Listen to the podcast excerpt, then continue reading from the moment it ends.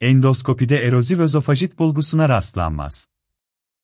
GERD olgularının %70'ini oluşturur. Kadınlarda daha sık gözlenir. Gençlerde daha sık gözlenir. NERD olgularının %50'sinde dismotilite, dispeptik semptomlar gözlenir.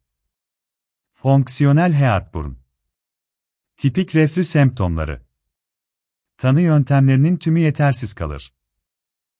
Asid ile ilişkili mukozal hasarın bulguları negatif. NERD olgularının %40'ını oluşturur.